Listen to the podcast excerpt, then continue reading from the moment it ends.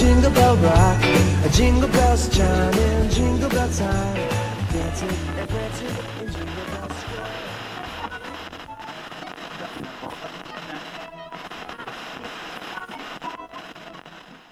O número de casos de sarampo em São Paulo cresceu 60% em uma semana. Além da capital, outras 38 cidades do estado registraram surto Agora mais informações sobre a gripe suína. Vamos ao Aeroporto Internacional de São Paulo, em Guarulhos, onde está a repórter Fernanda Azevedo. Boa noite, Fernanda. Boa noite, Laerte. O Ministério da Saúde monitora 20 pessoas que vieram de países. A Organização Mundial da Saúde alerta. O vírus da nova gripe está circulando em uma velocidade sem precedentes. Em apenas seis semanas, o número de casos se espalhou tanto quanto a gripe comum em seis meses. Por isso, a OMS decidiu suspender a divulgação dos balanços da nova gripe. O importante agora é ficar atento a.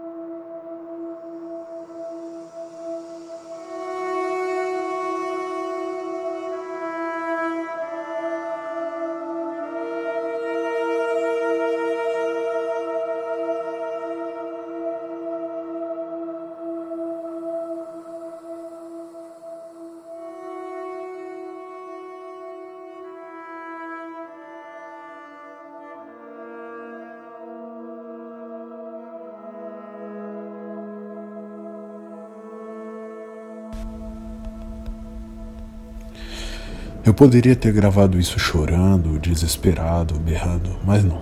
Eu prometo que eu vou tentar manter a calma. Meu nome é William, eu sou cientista e eu quero registrar a merda que aconteceu nesse planeta. Tudo começou em 2023. O movimento anti-ciência estava crescendo, aquela sandice sobre o formato da Terra, pessoas desacreditando o aquecimento global, entre outras coisas. E por fim, a cereja do bolo o maldito movimento anti-vacina. E o movimento ganhou proporções globais. Até que. é, Caralho!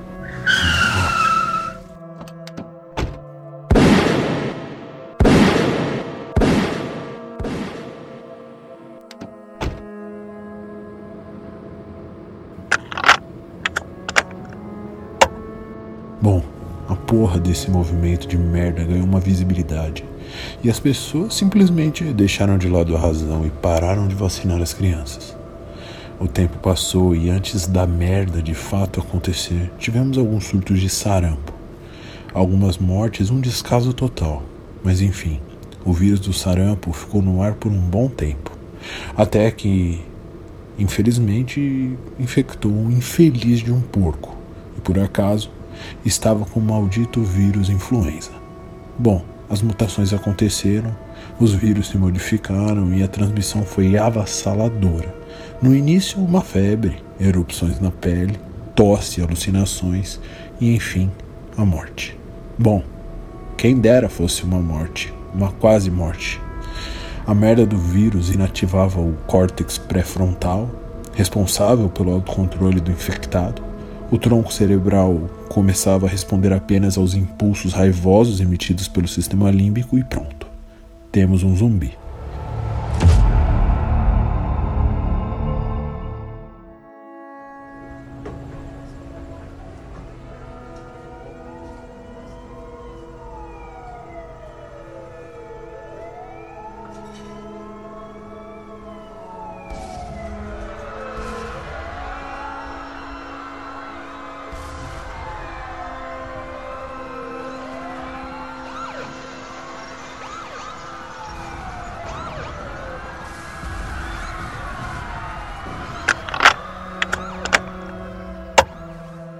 Me lembro exatamente do dia que tudo saiu do controle. O governo tentou abafar os casos, mas em menos de uma semana o YouTube estava cheio de vídeos de infectados pelo vírus.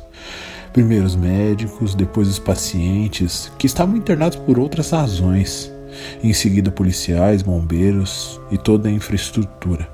Foram semanas de tensão. Só 7% da população se mostrou imune ao vírus, que se espalhou, e tudo foi para o ralo. Energia elétrica, saneamento, tudo, colapso global. Eu, minha mulher e filha nos mudamos para a casa de verão dos meus pais. Algumas reportagens diziam que as árvores atenuavam o vírus por algum tipo de filtração, não sei ao certo. Uns demoravam mais, outros menos, mas a grande maioria foi infectada. Era Natal e eu pensei que a gente podia comemorar, nem que fosse uma noite. Minha mulher e filha estavam bem, fazíamos parte dos 7%. Eu acreditei.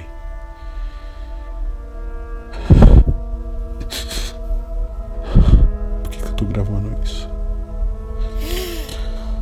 Vamos lá. Certo. A gente estava prestes a comer alguns enlatados, mas minha filha começou a se sentir mal. Uma febre, episódios de alucinação. Em seguida, minha esposa. Eu queria acreditar que era outra coisa. E eu desejei que fosse qualquer outra coisa. Câncer, AIDS, sei lá. Bom, eu não tive coragem de fazer o necessário e as duas estão lá ainda. Bom, eu espero que estejam. Eu saí para buscar esperança, mas não encontrei ninguém vivo. Só esses malditos. Caralho! Porra, de novo! Morre, maldito filho da puta, morre!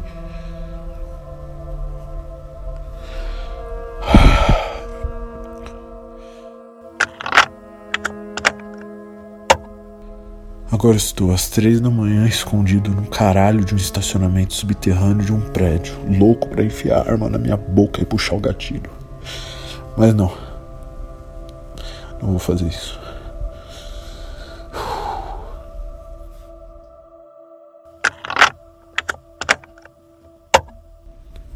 Bom, faz dois dias que eu gravei pela última vez e consegui um lugar bom para descansar e um pouco de energia elétrica. Decidi que vou dar um nome para o maldito do vírus. O que causou tudo isso? Não, não é aquele vírus que se mutou dentro do porco que acabou com o mundo. Não foi o sarampo somado à influenza que extinguiu a vida como conhecemos na Terra. Foi algo muito pior. Eu vou chamar de D-vírus. O vírus da desinformação. Esse sim foi o vírus que destruiu nosso mundo.